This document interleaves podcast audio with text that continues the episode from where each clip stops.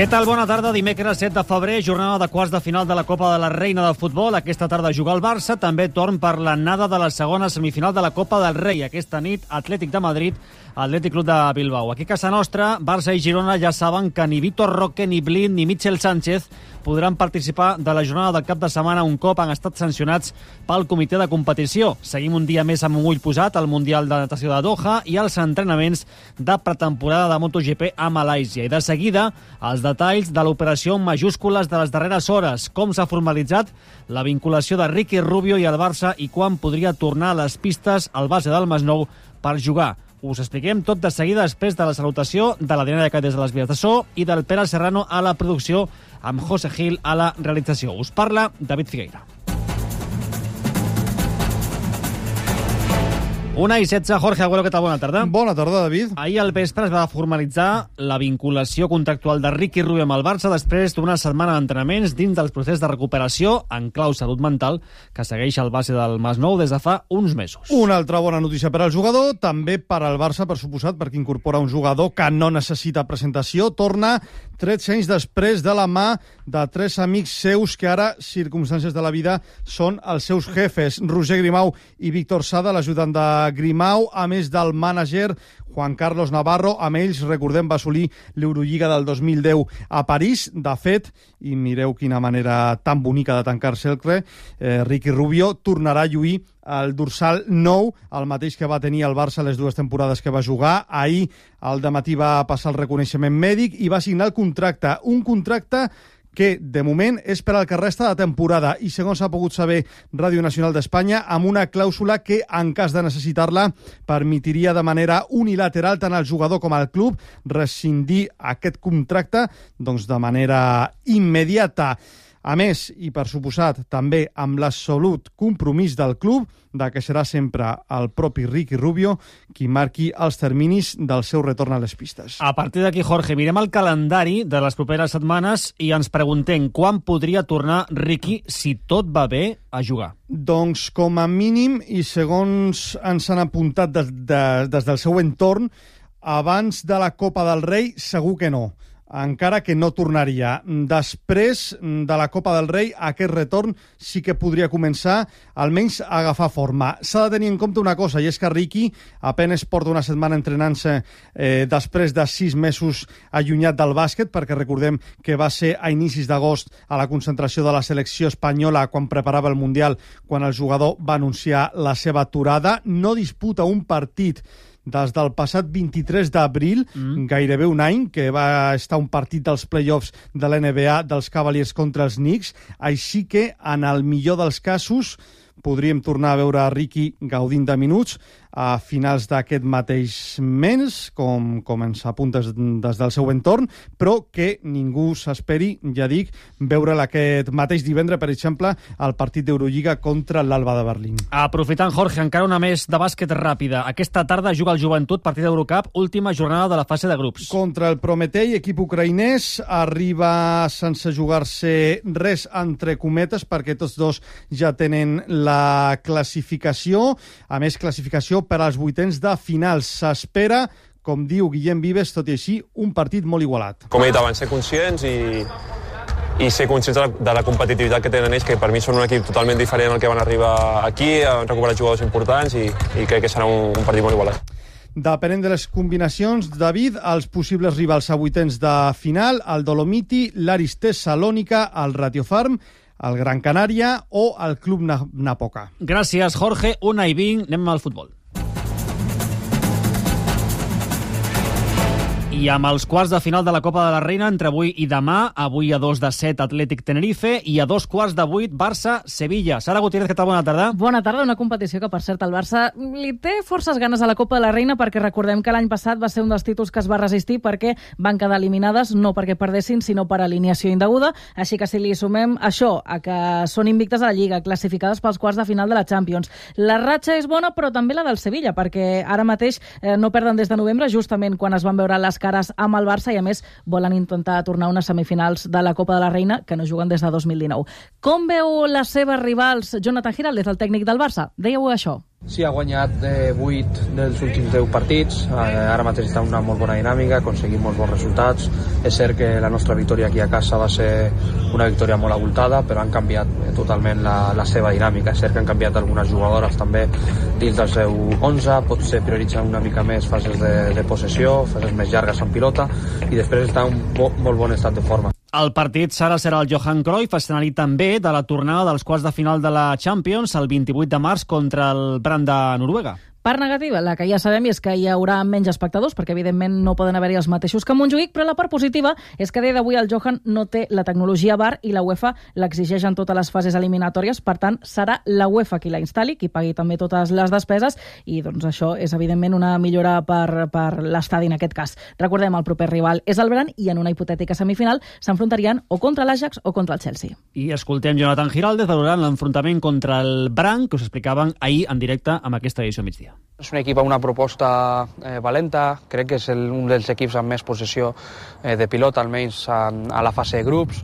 i després el que hem de fer és preparar-nos bé, perquè bueno, realment ens coincidirà amb una setmana important, amb una setmana exigent, i amb una setmana que implicarà fer moltes coses bé. Això serà el març, abans avui el Barça-Sevilla. Gràcies, Sara, bona tarda. Bona tarda. Un partit que podrem veure, per ser en directe pel Teledeporte. De seguida la Copa del Rei, anada de semifinals, però abans, última hora de Barça i Girona. Barça, Josep Capell, bona tarda. Bona tarda. Víctor Roque, sancionat pel comitè de competició. El Barça Pro presenta recurs d'apel·lació. Sí, presentarà eh, al·legacions al comitè d'apel·lació després que competició hagi desestimat el recurs de la segona gola que era Víctor Roque Menizorroza i, per tant, se li manté i hauria de perdre's el duel de diumenge contra el Granada per sanció. El club ara té 10 dies per fer aquest recurs. Considera el jutge, respecte a la prova de vídeo i del recurs dels blaugranes, que no hi ha error manifest i clar en la redacció de l'acte del que explica i interpreta el col·legiat Juan Martínez Monuera sobre la jugada en qüestió. Per tant, si apel·lació també, eh, també eh, li manté eh, aquesta sanció,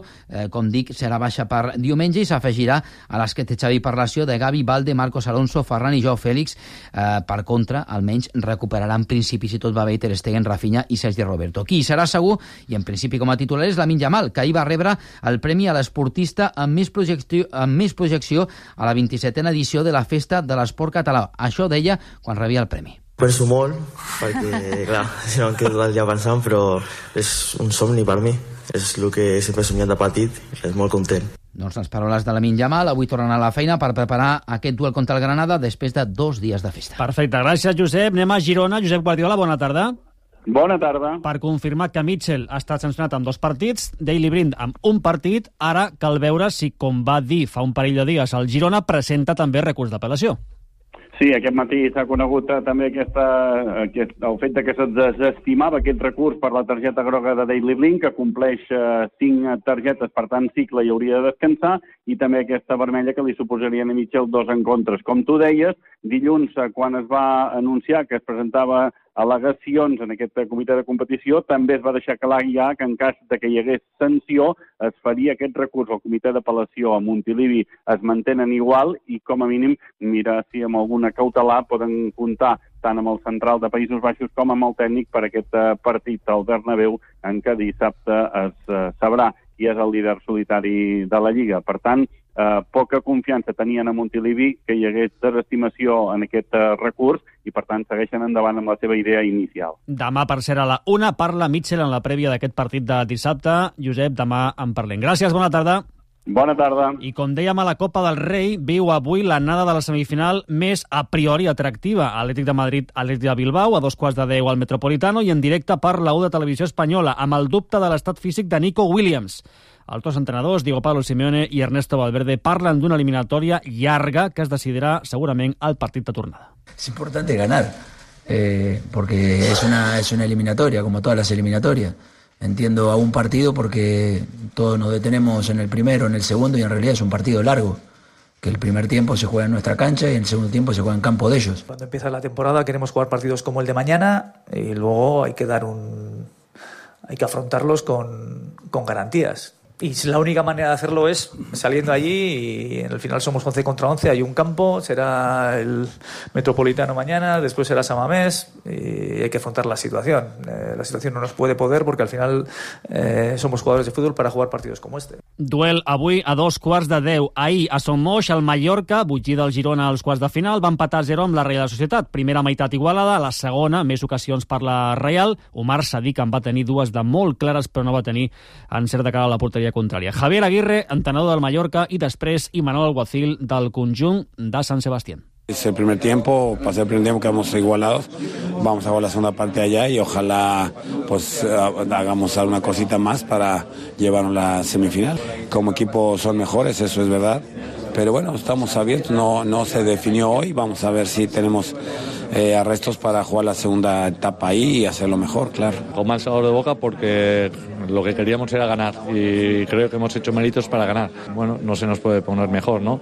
En nuestra casa, con nuestra gente, eh, a partido único eh, para llegar a una final. Partit de tornada a Noeta el dia 27 d'aquest mes de febrer, 1 i 26.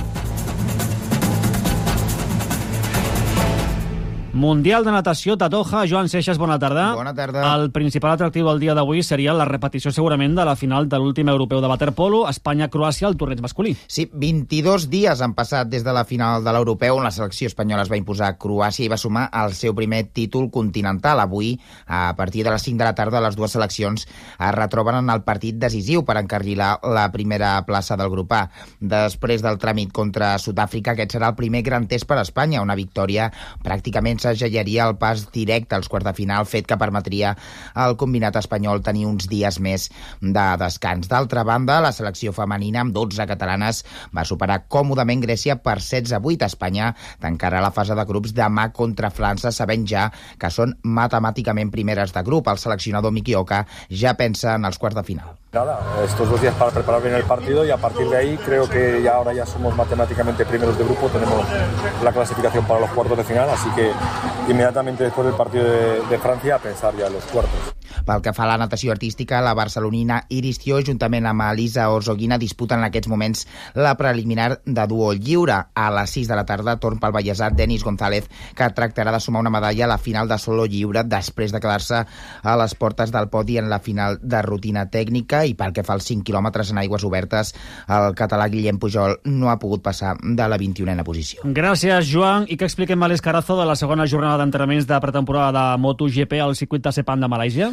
Doncs que avui dia més tranquil per Marc Márquez després dels problemes mecànics d'ahir que el van fer aturar-se fins en dues ocasions. De fet, ha sigut el pilot que més voltes ha donat al circuit de Sepang, un total de 72, tot i que ha acabat 14è. El de Cervera segueix la seva adaptació al Nagresini, però no ha pogut baixar de l'1.58, un fet que ahir només Jorge Martín va aconseguir, però que fins a 11 pilots s'ho han assolit en aquesta segona jornada. Martín ha tornat a ser el pilot més ràpid durant gran part de la sessió, però a l'últim tram Enea Bastianini ha completat un espectacular volta per acabar primer amb un 57 1. 5 han estat els pilots que han rodat per sota del rècord del circuit Bastianini, Martín, Binder, Banyaia i Aleix Espargaró, que ha sigut el millor català. Creixement important del pilot d'Aprilia respecte a ahir, que ha acabat quart, Àlex Márquez setè, Àlex Rins 13è i Maverick Viñales 18è. Pel que fa a la resta d'espanyols, Pedro Acosta més discret avui 8è, Joan Mir 10è i Augusto Fernández 20. Demà serà la darrera jornada d'aquests tests oficials de MotoGP. Veurem l'evolució de Márquez,